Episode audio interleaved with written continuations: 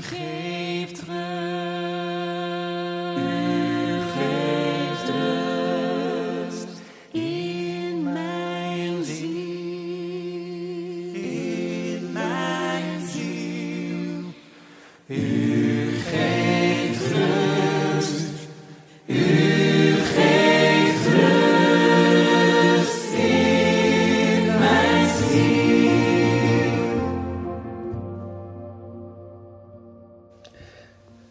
Vrienden, op deze zondag komen de eerste lezing de profeet Elia tegen.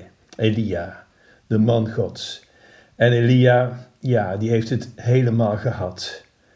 Helemaal.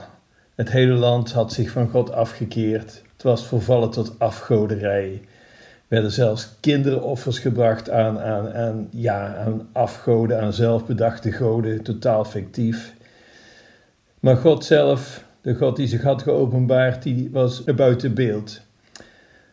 En als je er iets van zei, mensen, wat hij doet is groot kwaad, denk toch eens aan de tien geboden, denk eens aan Mozes. Als je er iets van zei, al die profeten waren, werden uit de weg geruimd. En er is er nog maar één over die trouw was gebleven aan de God van Israël. En dat is deze oude man Elia. En hij ziet het niet meer zitten. Hij gaat onder een boom zitten en het liefst zou hij gaan slapen en niet meer wakker worden. En hij gaat slapen, maar wat gebeurt er? Hij wordt wakker gestoten door een engel, een boodschapper van God. En die heeft brood bij zich en hij zegt: Eet dit. Dat heb je nodig voor de reis. De reis, zegt Elia, ik ben aan het eind van mijn reis. Nee, zegt de engel, nee, je reis begint nu pas. En Elia, hij eet. Hij gaat op pad. Veertig dagen door de woestijn. Waar komt hij uit? Bij de berg Horeb. De berg waar God de tien geboden aan Mozes gaf. En Elia, hij wacht op een teken van God. Hij hoort het bliksmen en donderen. Maar nee, in dat geweld zit God niet. Er is een aardbeving. Maar Elia weet, nee, hier zit God niet achter. Maar dan hoort hij een zacht geruis. En hij weet het. Nu hoort hij God. En wat gaat hij doen? Hij gaat zowaar terug naar het volk. En zowaar, ze luisteren naar hem. Het doet denken aan het verhaal van Jona. Hè. Jona, ga naar Nineveh. En Jona dacht, ja, ze zullen naar me luisteren. Kom zeg. En hij vluchtte weg. Uiteindelijk ging hij toch. En zowaar, ze luisterden. Elia zag het niet meer, zitten, maar er kwam een omkeer. Wat houdt ons gaande? Wat weerhoudt ons ervan moedeloos te worden?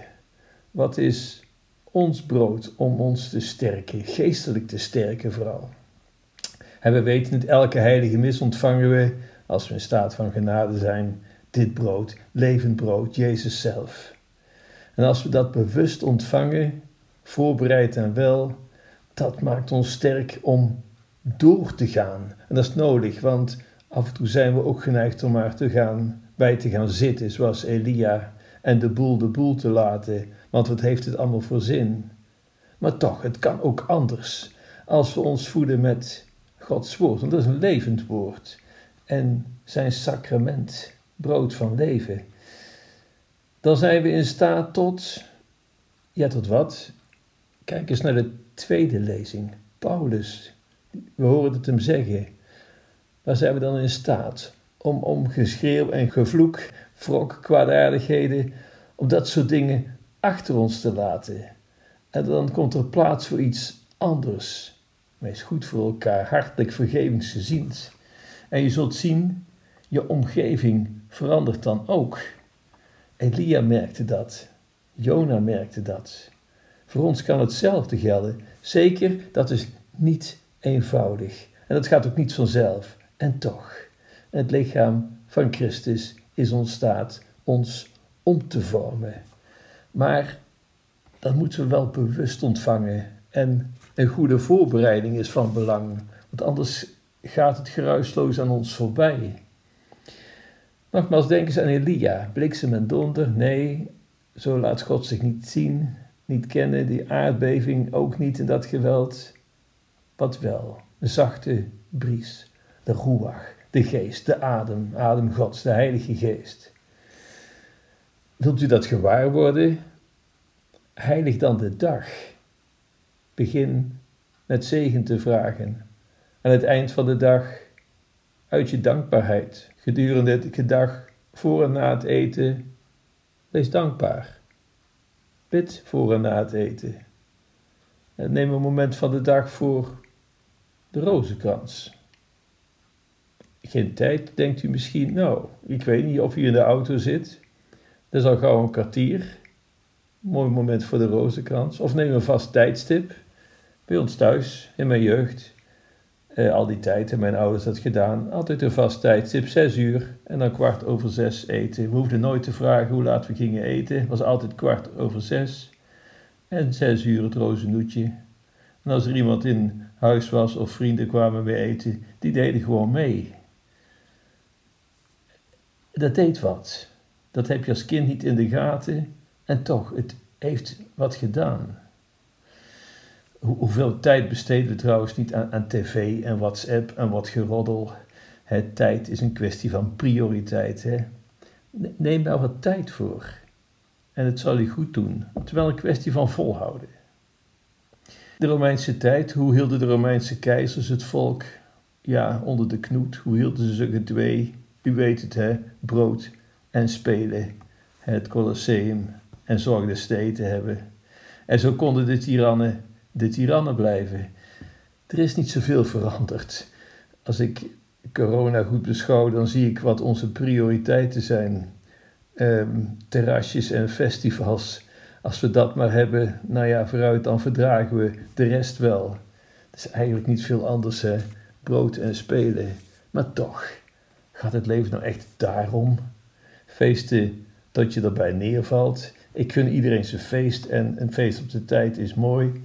Maar wil het echt leuk zijn, dan moet er wel iets te vieren zijn. Feest omdat je anders geen raad weet met je tijd. Volgens mij leidt dat alleen maar tot moedeloosheid. Je ziet er niet meer zitten en neemt dan nog maar eens een extra pilletje om toch nog maar even een hallucinerend momentje te hebben.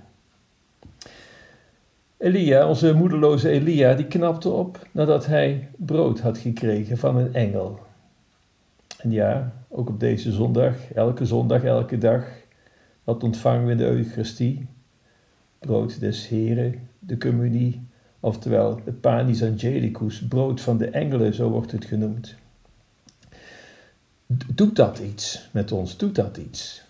Elia hoorde God in de stilte. Nogmaals, niet in de donder, niet in de decibellen van een festival. In de stilte. Probeer het maar eens. Creëer momenten in de dag. Momenten van gebed. Lees een stukje Bijbel. Lees een heilige leven. Je gaat iets van Gods aanwezigheid ervaren. Dat hij met je graag van doen heeft. Dat je niet alleen bent. Dat soort eenvoudige maar wezenlijke dingen. Dat er een andere manier is om naar andere mensen te kijken, om met andere mensen om te gaan. Doe dat. Het helpt ons op onze levensweg. Zo stem je je antenne af op Gods aanwezigheid. Je stemt die antenne af op, op Gods frequentie door, door het gebed. Dat is echt ook van belang. De rozenkans. Nee, dat is niet iets magisch, maar wel iets mystieks. Het heeft een mystiek effect. Overweeg die mysteries van het geloof maar. En denk wat het met jouw leven te maken heeft. Stel je voor dat je erbij was, daar in Bethlehem. Of toen Maria die boodschap kreeg van de engel. Of daar op de Calvarieberg. Of daar bij de verrijzenis. Stel dat je erbij was. Wat heeft het te maken met jouw leven? Vast iets. Op zijn minst iets. Eigenlijk heel veel. Mobieltjes hebt u. Kunt u gebeden opvinden. Dat is weer anders dan WhatsApp.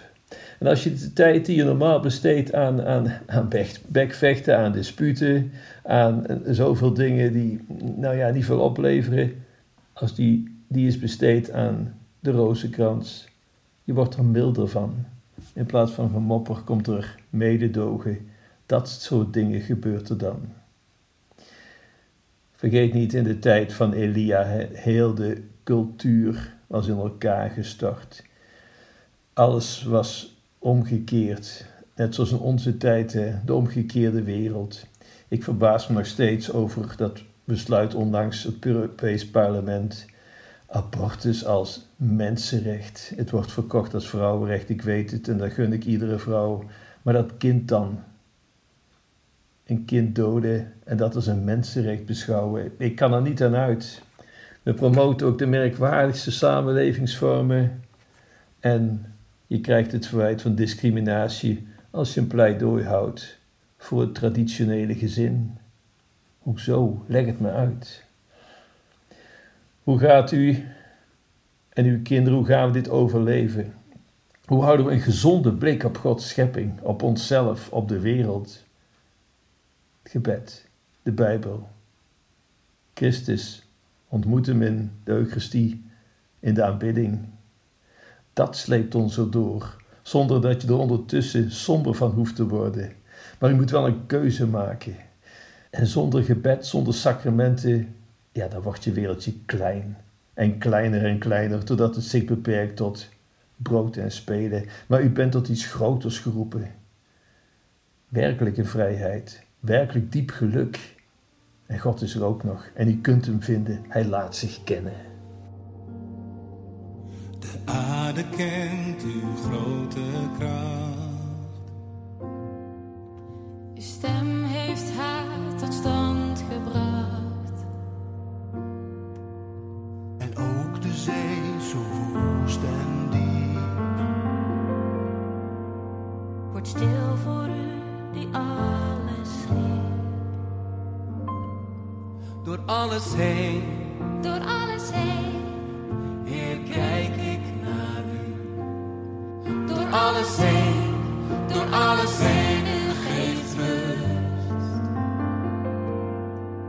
Door alles heen,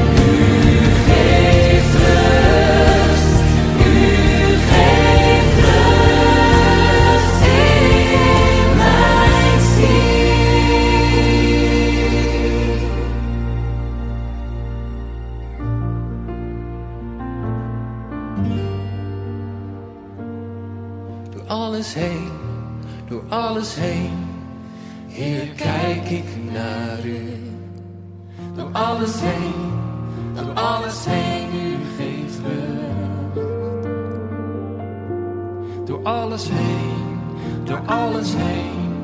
Heer, kijk ik naar u. U geeft rust.